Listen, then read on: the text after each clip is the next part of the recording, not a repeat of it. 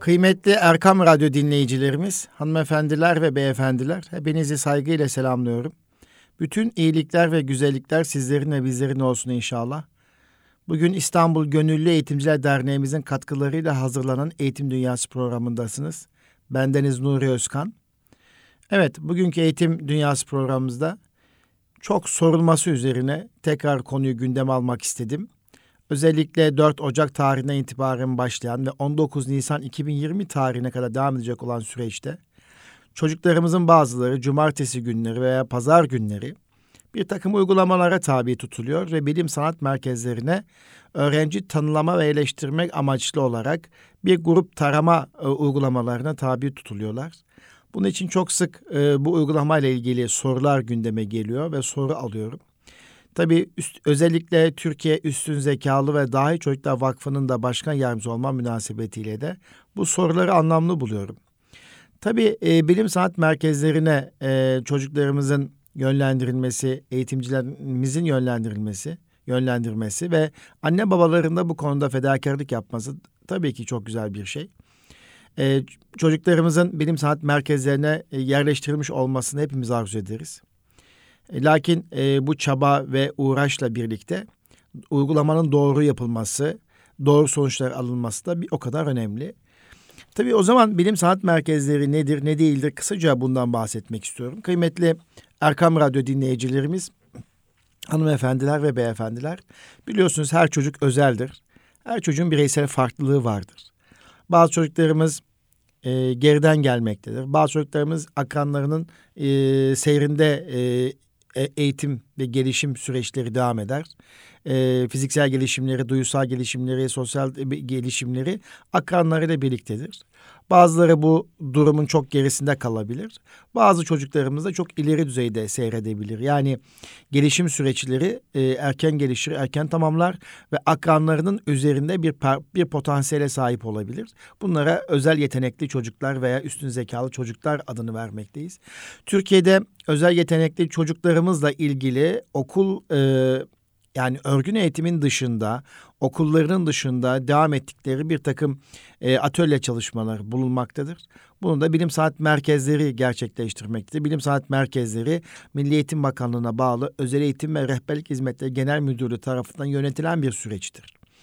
Yani kısacası bilim sanat merkezlerine giden çocuklarımız üstün zekalı veya özel yetenekli çocuklar olarak tanımlanmış bireylerden oluşmaktadır. Orada da yeteneklerine bağlı olarak bir takım atölye çalışmaları görmekteler veya dersler almaktadır. İşte bunun için ilkokul 1, 2 ve 3. sınıflardan e, aday gösterilen çocuklarımız işte 4 Ocak'ta başlayan ve 19 Nisan 2020 tarihine kadar devam edecek olan bir uygulamaya tabi tutulmaktadır. 25 ile 35 dakika arasında değişen bir uygulamaya tabi tutulmaktadır. Bu uygulama grup tarama uygulamasının ardından da e, işte e, yine e, bireysel değerlendirmeye alınacak bu çocuklarımız. O da 18 Mayıs tarihinde başlayacak. Sonra da kayıt hakkı kazanan çocuklarımız Milli Eğitim Bakanlığımız sitesini ilan edecekler ve e, kayıt hakkı kazanmış olacaktır. O zaman e, özel yetenekli çocukların e, okul dışında eğitim gördükleri bu e, faaliyete biz e, bu duruma bilim sanat merkezlerinin yapmış olduğu bu çalışmayı da önemsiyoruz tabii ki. Her bir çocuk zekidir eğitmesini bilene demekle birlikte çocuklarımızın bireysel farklılıklarını doğrultusunda da eğitim görmeleri arzusu içerisindeyiz. O zaman e, bilim sanat merkezlerinde eğitim görecek çocuklarımız veya eğitim gö e, görme için çaba sarf eden çocuklarımız üstün zekalı veya özel yetenekli çocuklar olarak sınıf öğretmenleri tarafından gözlemlenmiş e, ve bunun için aday gösterilmiş çocuklardır. Tabii bilim sanat merkezlerine katılamayan çocuklar, kazanamayan çocuklar, hak kazanamayan çocuklar özel yetenekli ve üstün zekalı değil midir? Hayır, böyle bir anlam çıkmaması lazım. E, çünkü e, biliyorsunuz okulların da bilim sanat merkezlerinde bir takım kontenjanları var. Dolayısıyla bir yerden e, baraj puan kesiliyor. Tablet uygulamasında bu 30-35 dakikalık süreç içerisinde e, çocuğumuzun karşısına çıkan soruları en hızlı, en kıvrak bir şekilde cevaplayan çocuk isterseniz puan itibariyle öne geçiyor. Sonra da yete- e, aday gösterildiği alan doğrultusunda ilaveten e, bir takım bireysel testler ve değerlendirme süreçlerine tabi tutuluyor. E, ve ondan sonra da bilim sanat merkezlerine kaydı gerçekleştiriliyor.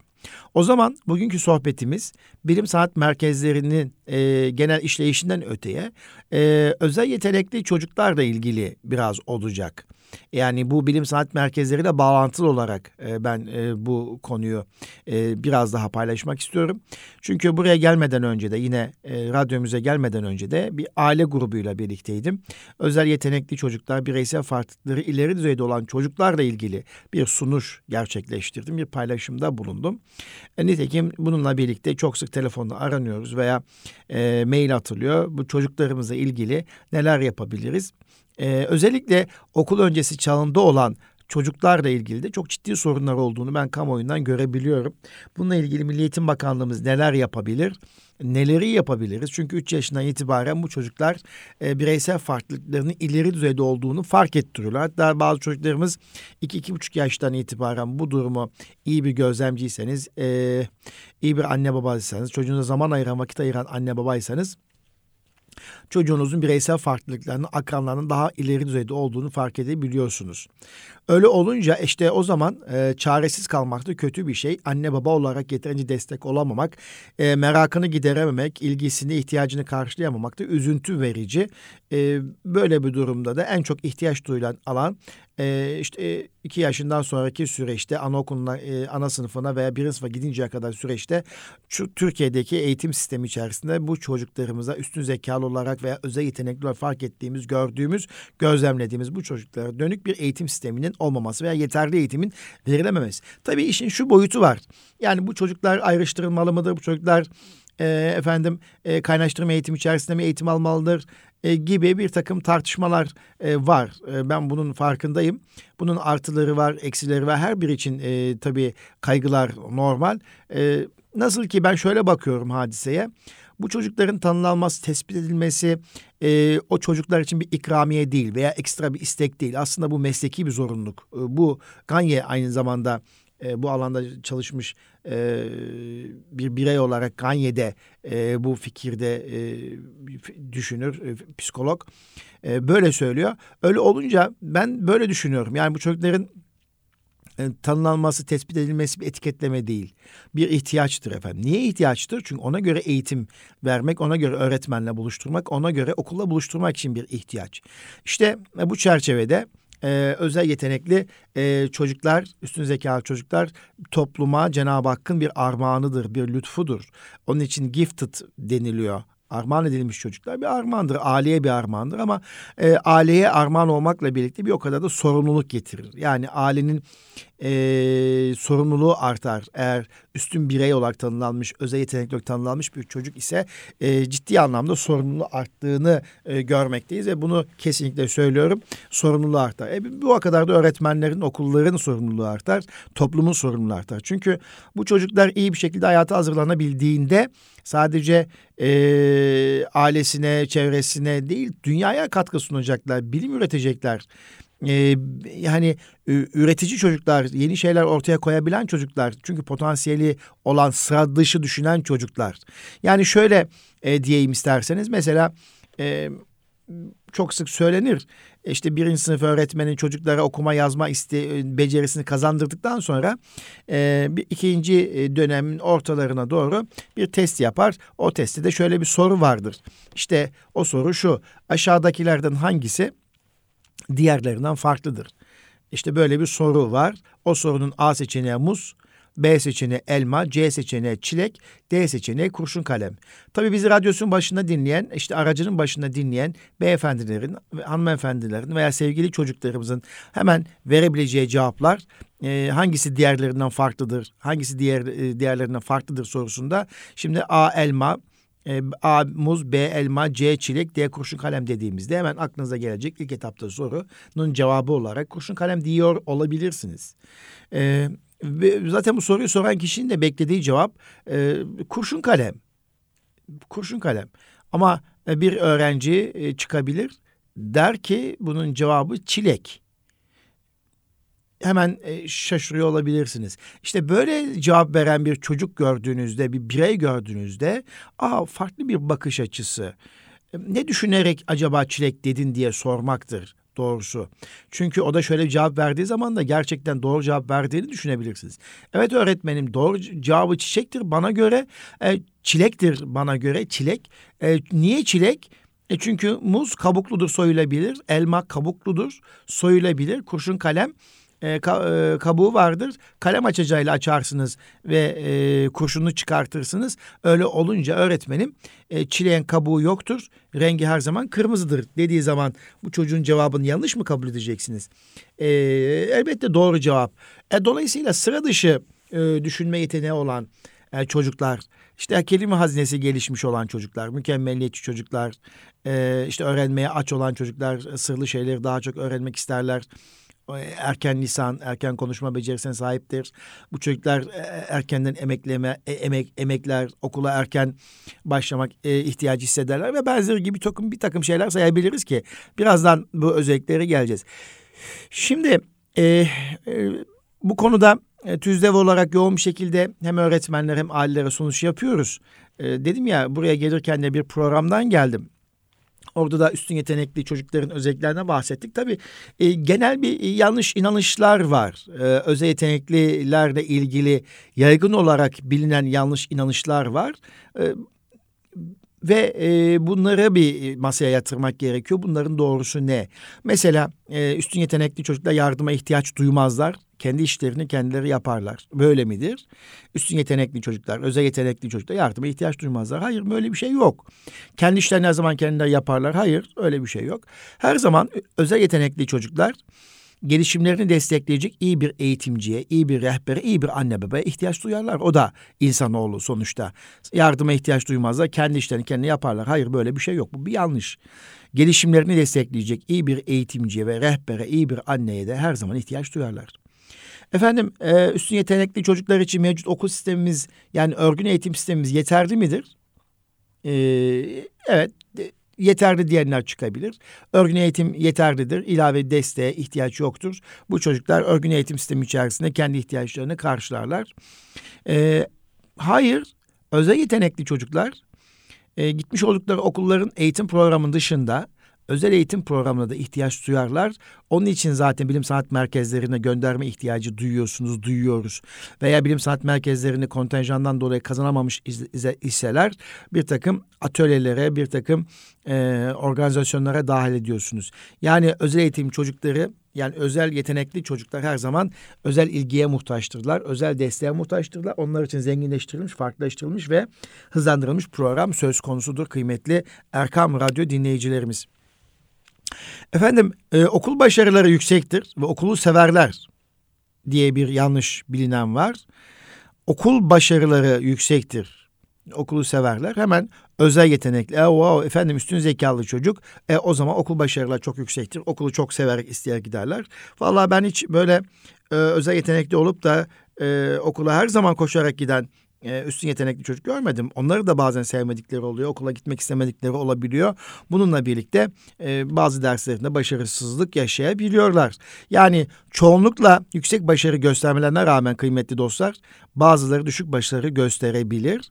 Davranış problemleri sergileyebilirler. Hatta okulu bırakmak isteyebilirler. Bunlar karşımıza çıkan şeyler. Ee, özel yeteneklerin özel eğitim alması duygusal ve sosyal problemler neden olur? E, evet bu da bir e, yanlış. Yani özel sınıf uygulamaları var. İşte özel okul yani tırnak içerisinde ticari anlamda özel okulu kastetmiyorum. Ee, işte Argem örneğinde olduğu gibi özel okuldan bahsediyorum veya işte bilsem bilim sanat merkezlerine gitmiş olmaları veya bunun dışında ilaveten dışarıdan destek almaları gibi bir programdan bahsediyorum. Ee, efendim özel yetenekliler yeteneklerini ortaya çıkaramadıkları alanlarda sorun yaşarken özel eğitim ortamı yeteneklerini geliştirmelerine imkan sağlar. Yani özel yetenekli çocuklarımız için e, yeteneklerini ortaya çıkaramadıkları zaman yaş- bir takım sorunlar, duygusal ve sosyal sorunlar yaşayabilirler. İşte bu onlar için sağlanacak özel imkan, özel fırsat, özel ortamlar yeteneklerini daha iyi geliştirmene imkan sağladığı için daha çok mutlu olurlar. Ee, yine başka bir e, yanlış inanış çok sık karşılaştığımız gördüm. Efendim IQ'su 130 ve üzeri mi? Evet 140, 150, 160 say gitsin. Peki e, yüksek zeka düzeyi, IQ'sunun yüksek olması, zeka düzeyi yüksek olması e, başarılı bir geleceğin göstergesi mi? Sevgili anneanneler, babaanneler, dedeler böyle midir? Ya benim oğlum çok zeki, IQ'su çok yüksek, müdür amcası biliyor musun? Biliyor musun öğretmeni? E, dolayısıyla bu beklentiyi böyle artırıp hayal kırıklığına uğramak. E, çünkü gelecek kurgusu yapıyorsunuz bir yere koyuyorsunuz çocuğu. IQ'su yüksek olduğu için işte benim oğlum doktor olacak, benim oğlum mühendis olacak, benim oğlum genetik mühendis olacak gibi kendi hayalinizdeki bir profili o üstün zekalı çocuğa da yapıştırıyorsunuz. Dolayısıyla başarılı bir gelecek e, göstergesi olarak da bunu ifade ediyorsunuz etrafa, ifade ediyoruz. Hayır, yüksek zeka düzeyi başarılı bir geleceğin göstergesi değil her zaman. E tabii zeka ile başarı arasında doğrudan ilişki yok. Her zaman geçerli değil. Yani e, akıl ile başarı arasında bir ilişki olabilir ama zekanın yüksek olması her zaman iyi bir başarı getireceği anlamında bir sonuç çıkmaz. Çocuk derse etkin olarak katılırsa, çalışırsa, emek verirse başarılı bir geleceği tabii ki yakalar. Ama IQ'sünün yüksek olması, zekasının yüksek olması onu direkt başarılı kılmayacaktır. Ne zaman kılacak? Çocuk IQ'suyla birlikte, IQ zekası birlikte, yüksek zekası birlikte derse etkin olarak katılırsa, sorumlulukla yerine getirirse sürece e, başarılı bir şekilde e, katılırsa işte o zaman e, geleceğini de göstergesi saymak mümkündür. Efendim diğer bir şey işte karneleri dağıttık. Ee, çocuklarımız ara tatildeler. Hemen bana gelen sorulardan bir tanesi. Ya hocam e, benim çocuğum üstün zekalı işte falan yere gidiyor. Şöyle durumu var. İşte şu, ama e, işte karnesinde de e, öğretmeni çok düşük vermiş gibi eleştiri var. Yani öğrenci almamış o notu, öğrenci almamış, öğretmeni vermiş. Bu. E, peki kıymetli e, Erkam Radyo dinleyicilerimiz, e, özel yetenekli çocuklar, öğrenciler de düşük not alırlar. Alamazlar değil, alırlar. Özel yetenekli çocuklar düşük not almazlar değil, onlar da zaman zaman alırlar. Niye? Çevresel faktörler var işin içerisinde. IQ'su tek başına yeterli değil dedik başarı kriteri olarak. Olumsuz arkadaş çevresi, e, rekabet olmayan bir okul ortamında veya sınıf ortamında ise sınıf ayak sınıfa ayak uydurma çabası yani kamufle etkisi diyoruz buna. Arkadaşlardan farklı görünmeme isteği yine kamufleye giriyor. Derste sıkılmaz, sıkıcı bir ders e, eğlenceli geçmiyor. İşte yöntem ve teknikler yetersiz öğretmenin kullandığı. Yanlış çalışma alışkanlıkları gibi nedenler e, çocuğun ilgisinin kaybolmasına neden olabilir. Bu da düşük başarı getirebilir tabii ki. Düşük akademik başarı göstermesi neden olabilir. O zaman özel yetenekli öğrenciler düşük not almazlar değil alırlar. İşin içerisinde var çevresel faktörler ve koşullar var. E biraz önce söyledik e, okul desteği yeterlidir. Değil okul desteği her zaman yeterli değil. Bu çocuklar için ailenin de okul dışında destek olması gerekiyor. Sosyal ve yetenek gelişimine destek vermesi gerekiyor. Bu noktada İstanbul'da çok ciddi gayret görüyorum.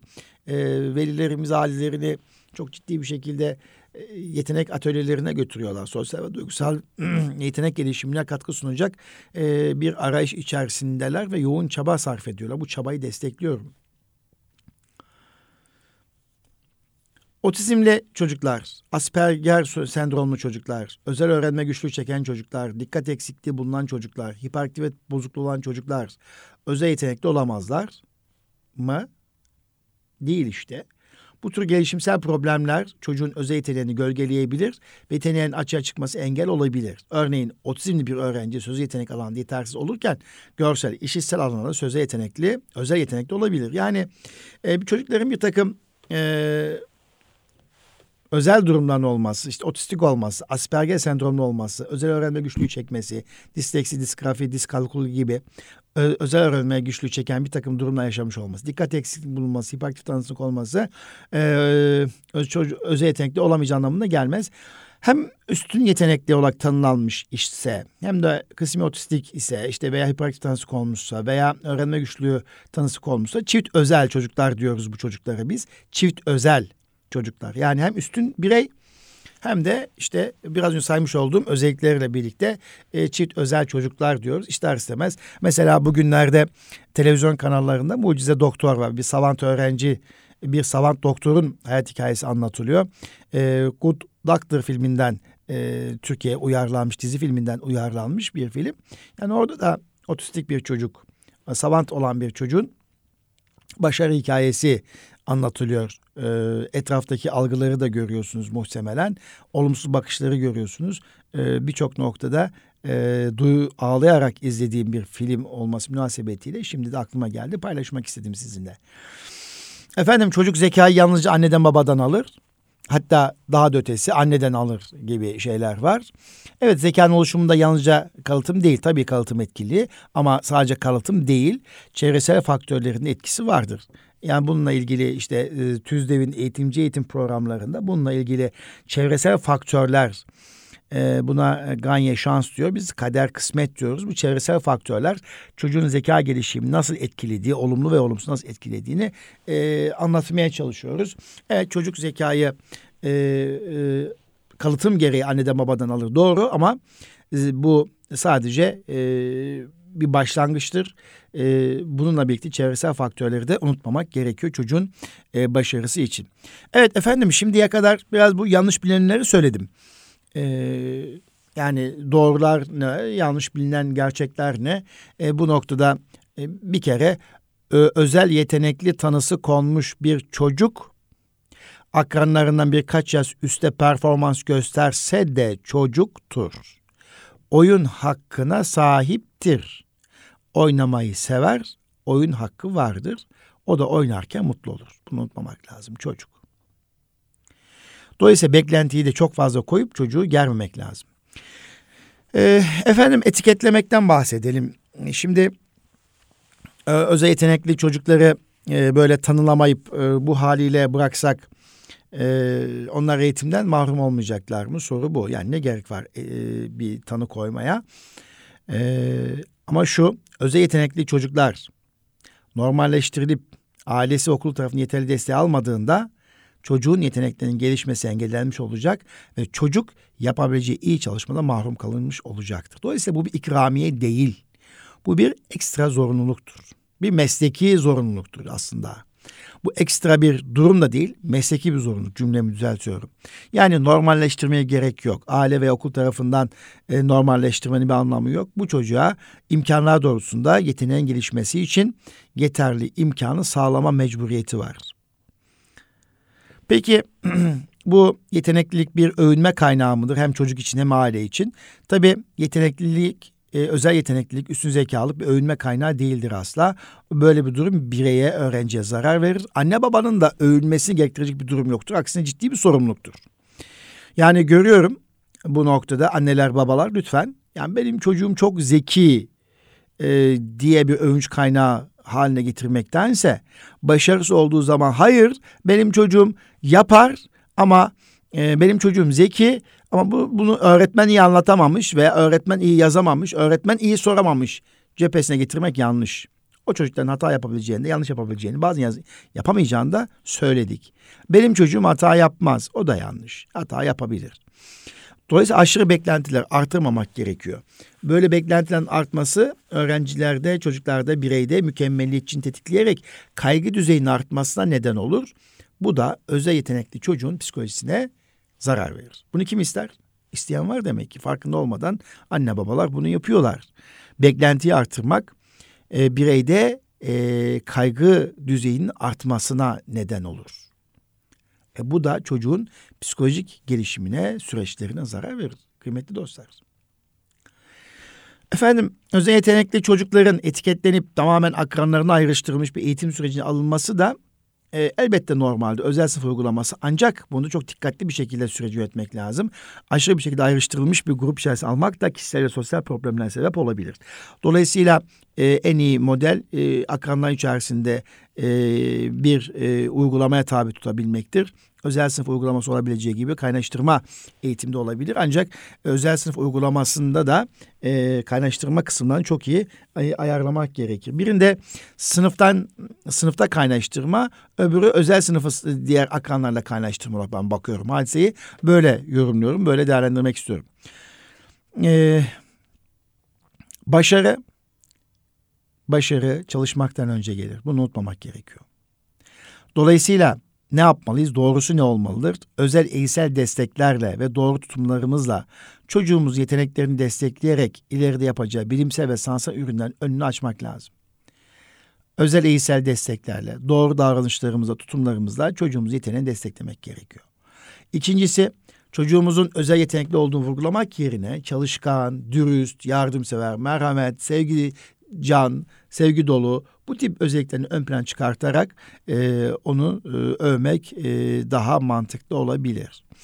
Şimdi biraz önce e, bilsemlerden bahsettik. Yani dedik ki bilseme gidenle gitmeyen çocuk arasında e, böyle abartılı bir fark yok. Her bir çocuğun bireysel farklar farklı üstünlükleri vardır. Yani bilseme giden çocuğun üstünlüğü olabildiği gibi zayıf yönleri de vardır.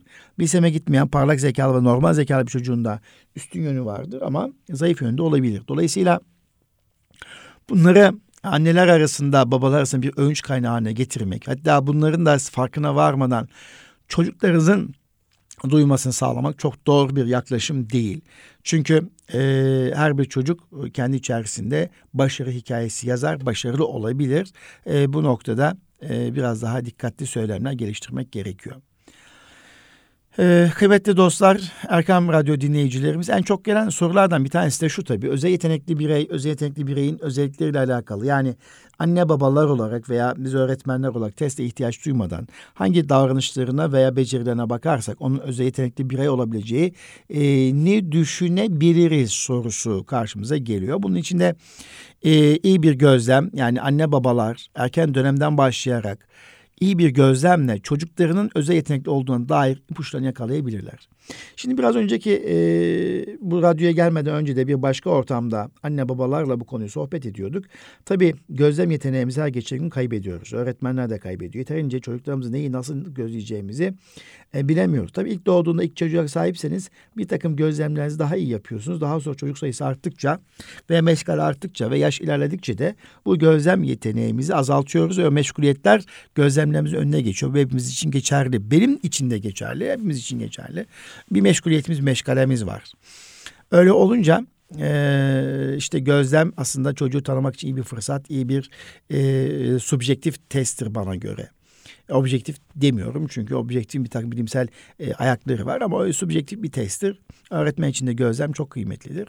Erken dönemden başlayarak, çocuğun doğumundan itibaren başlayarak e, neyi nasıl gözlemlemeliyiz o konuda da aslında bir eğitim almak gerekiyor. Ben buna annelik babalık eğitimi diyorum. Yani annelik babalık eğitimi almadan da anne baba oluyoruz. Hepimiz hepimiz e, birçok hatalar yapıyoruz ve çocuklarımızı tanıma noktasında eksiklerimiz, kusurlarımız var. Ya abartılı bir şekilde anlatıyoruz veya eksiklerini görüp kabullenemiyoruz vesaire bir türlü e, ara noktayı orta noktaya tutturamıyoruz efendim.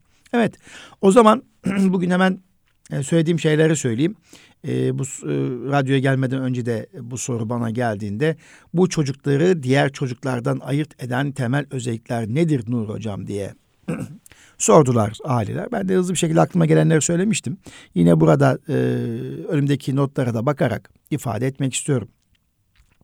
Efendim e, özel yetenekli çocuklar çocukluğundan itibaren erken dönemlerde uykuya daha az ihtiyaç duyuyorlar. Birincisi bu. Yani e, uyutamayan, çocuklarını uyutamayan anne babalar. Çok az uyuyor hocam. Yani şey uykusuz gidiyorum diyen anneler, babalar.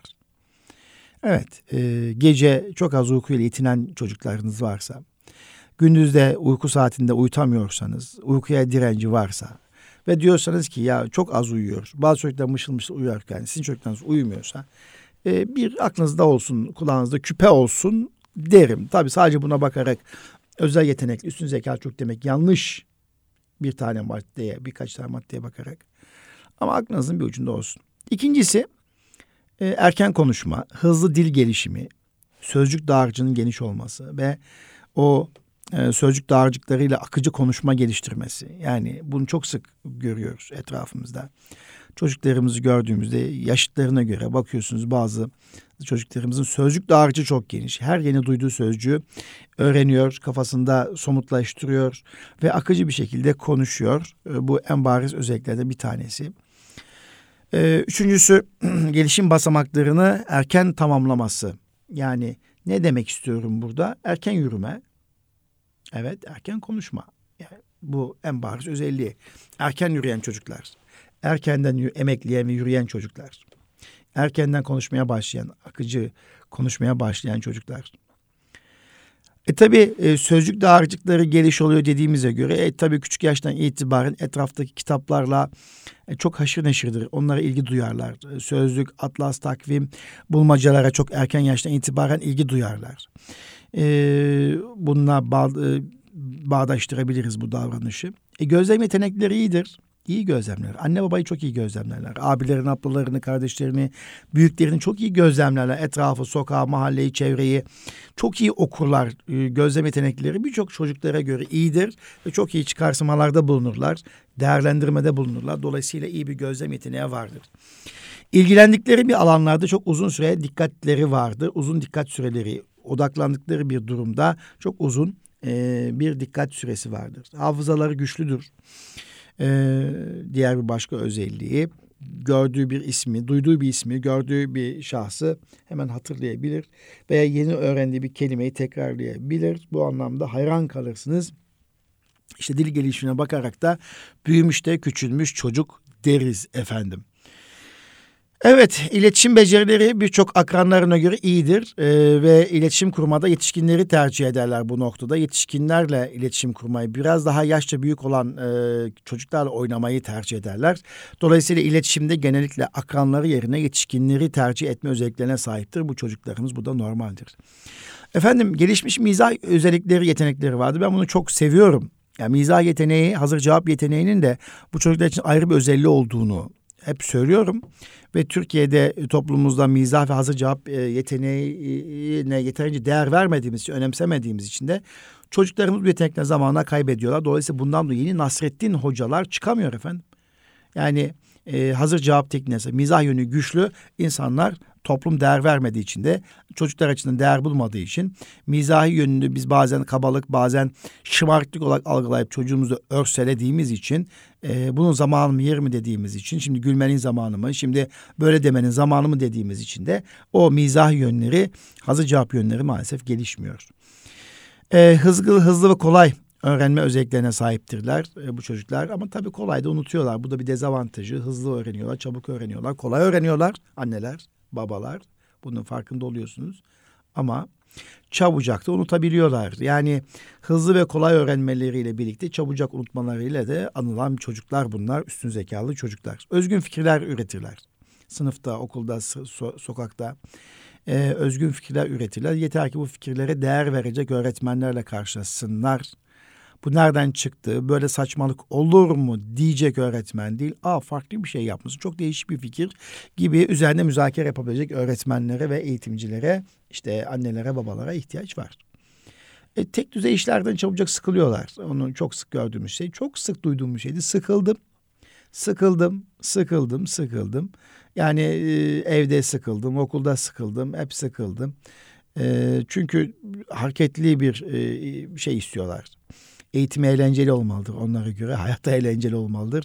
E, aile yuvası da eğlenceli olmalıdır. Sıkıcı ortamlardan, e, efendim tek düze ortamlardan e, gerçekten sıkılıyorlar ve çok sık duyduğu şey de e, bundan dolayı depresyona giren çocuklar var. Eğer yeterince e, bu konu anlaşılamazsa e, o zaman da psikolog psikolog geziyorsunuz. O zaman ne yapacaksınız? İşte meşguliyetlerinizi biraz azaltıp bu tip çocuklara zaman ayır. Her, her çocuk bunu ister. Bunu bir kere söylüyorum.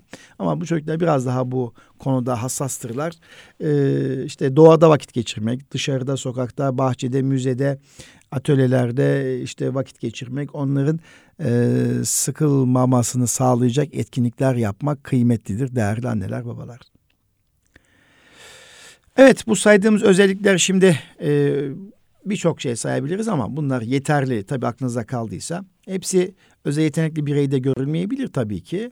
Bunların çoğunluğunun gözlemlenmiş olması e, yeterli olabilir veya özel yetenekli biri olacağını düşündürebilir.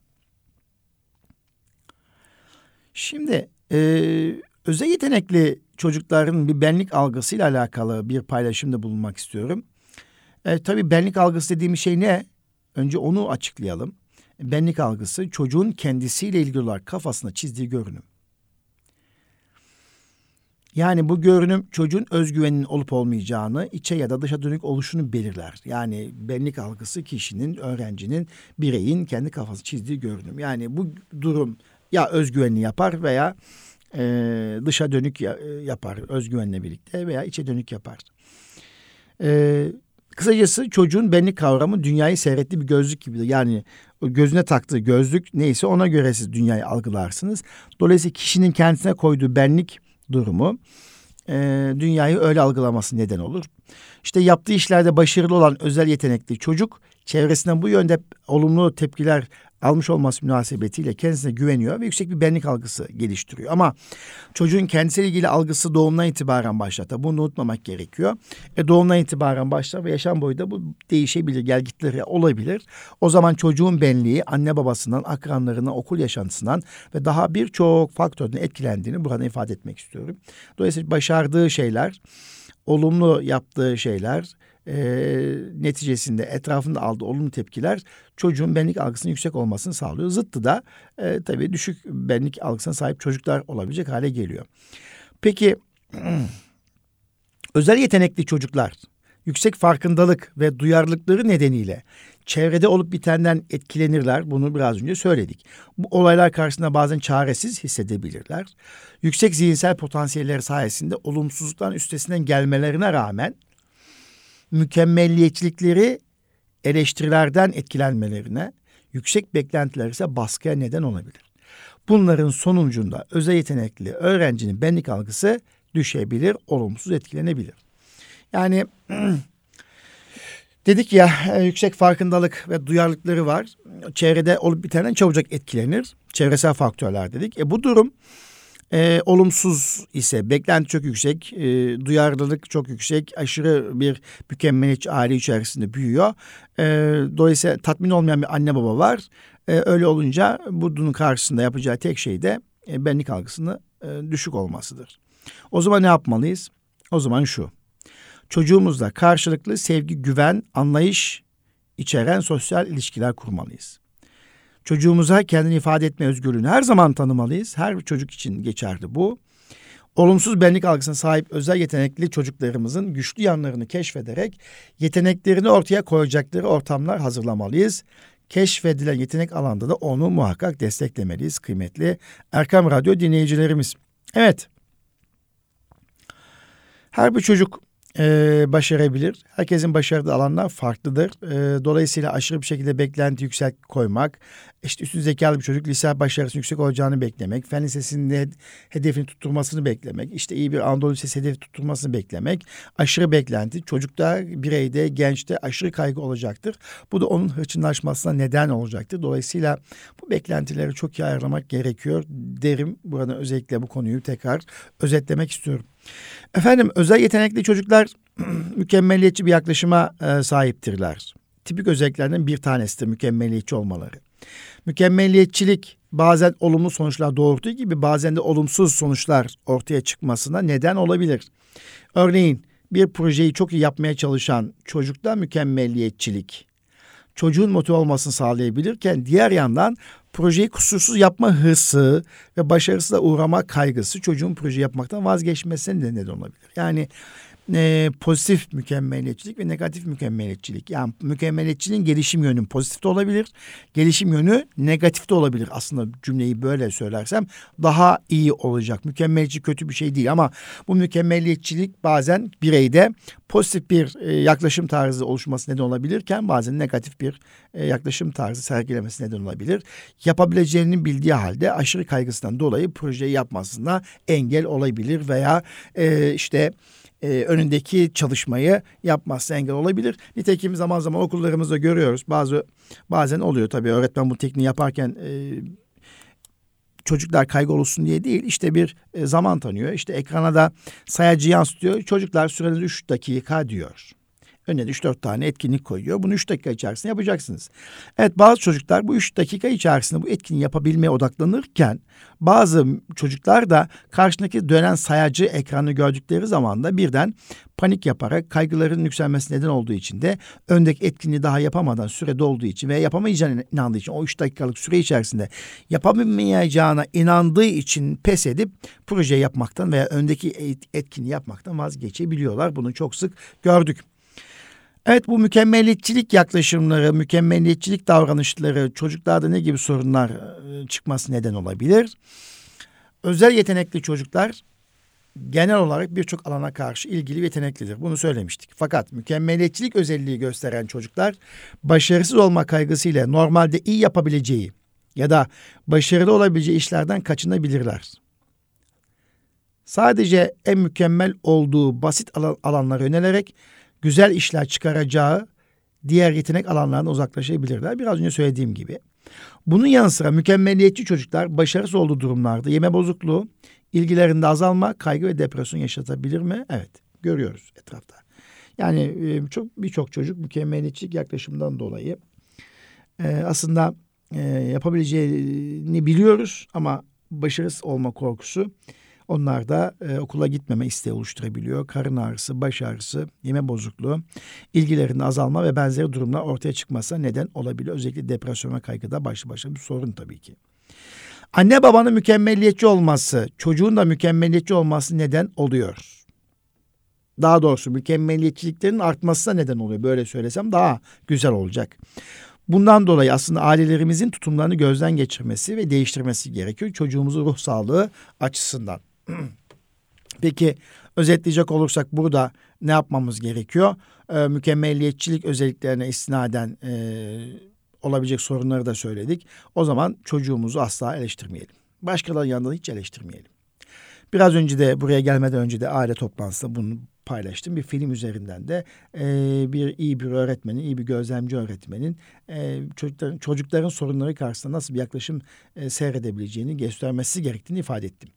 Çocuğumuza, çocuğumuza bir şeyleri doğru yapması konusunda baskı yapmayalım. Sürekli daha doğru, daha iyi, daha o zaman geriyor, gerginlik oluşturuyor yapabileceğine inanması gerekiyor. Yapabileceğini biliyorsunuz ama aşırı baskı, aşırı beklenti onun yapmasına engel oluyor. Performansın ve ders notlarının ön planda olduğu bir çevre asla oluşturmayın. Sürekli performans yüksek, ders notları yüksek, yüksek. Evet etrafta hep böyle. Senin niye böyle değil? Evet o da onu gerer. Çocuğumuzun başarılarını değil çabasını her zaman takdir edelim. Övgü ve eleştirilerimizi çocuğumuzun kişiliğine değil davranışlarına yönelik yapalım. Ne demek? Davranışlarına dönük yapmak. Ee, yani e, sen özür dilerim, çok özür dilerim. Sen geri zekalı mısın demek bir, bir, bir eleştiriden öte bir hakarettir. Bir eleştiri değildir zaten. E, çocuğun şahsına yapılacak bir şeydir. E, işte hep sen böyle yapıyorsun. E, bu da genel bir ifadedir. E, bunlar yanlış şeyler. Ama şu ödevini yaptığın zaman, yapabildiğin zaman e, seninle birlikte geçireceğimiz zaman dilimi daha da çok artacak. Ben bundan dolayı daha çok mutlu olacağım.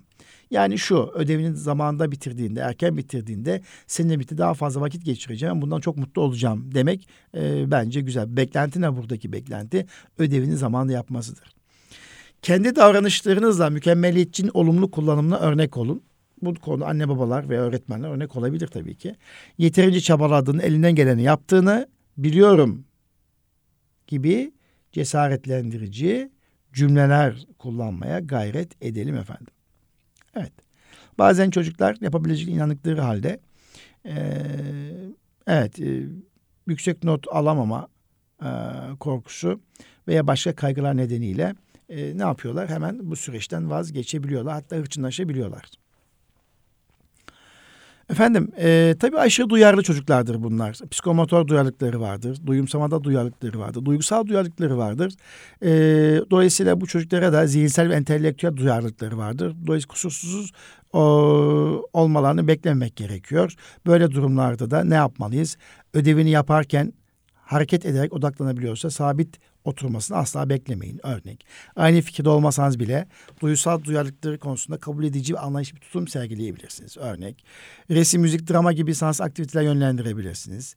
Duygularını ifade etme konusunda ona örnek olabilir. Siz de duygularınızı açık bir şekilde ifade edebilirsiniz efendim. Böyle e, bir takım öneriler olabilir. E, tabii e, 40 dakikalık süreç içerisinde e, bu konu hakikaten önemli bir konu. Yani bugünlerde çok sık sorulduğu için tekrar gündem aldım. Bilim sanat merkezlerine e, yoğun bir ilgi var. Cumartesi pazar okulların önünde anne babalar çocuklarını bekliyorlar. Bu iyi midir değil midir? E, bir takım e, sorunlar e, ve sorular gelebiliyor. E, öyle olunca da e, biz tekrar özel yetenekli çocuklarla ilgili bir programı gündeme almış olduk. İnşallah aslında bitmedi. E, onların uyumsuzlukları var, onların motivasyon istekleri var. E, efendim e, bunlarla ilgili e, nasıl bir motivasyon dili kullanmamız gerekiyor hepsini konuşmak gerekebilir. İnşallah bunları bir sonraki Eğitim Dünyası programında tekrar gündeme getirebiliriz efendim. Efendim e, bugün neyi konuştuk? Bilsem süreçleri de birlikte özel yetenekli çocukların özelliklerini konuştuk. E, ve onların e, bu özelliklerini tanımanın e, çok doğru olabileceğini, anne baba olarak büyük vazifemiz olduğunu ifade ettik. Eğer bunları iyi tanımazsak bir takım sorunlar ortaya çıkabileceğini ifade ettik. Efendim bir sonraki Eğitim Dünyası programında buluşmak dileğiyle kalın sağlıcakla Rabbime emanet olunuz.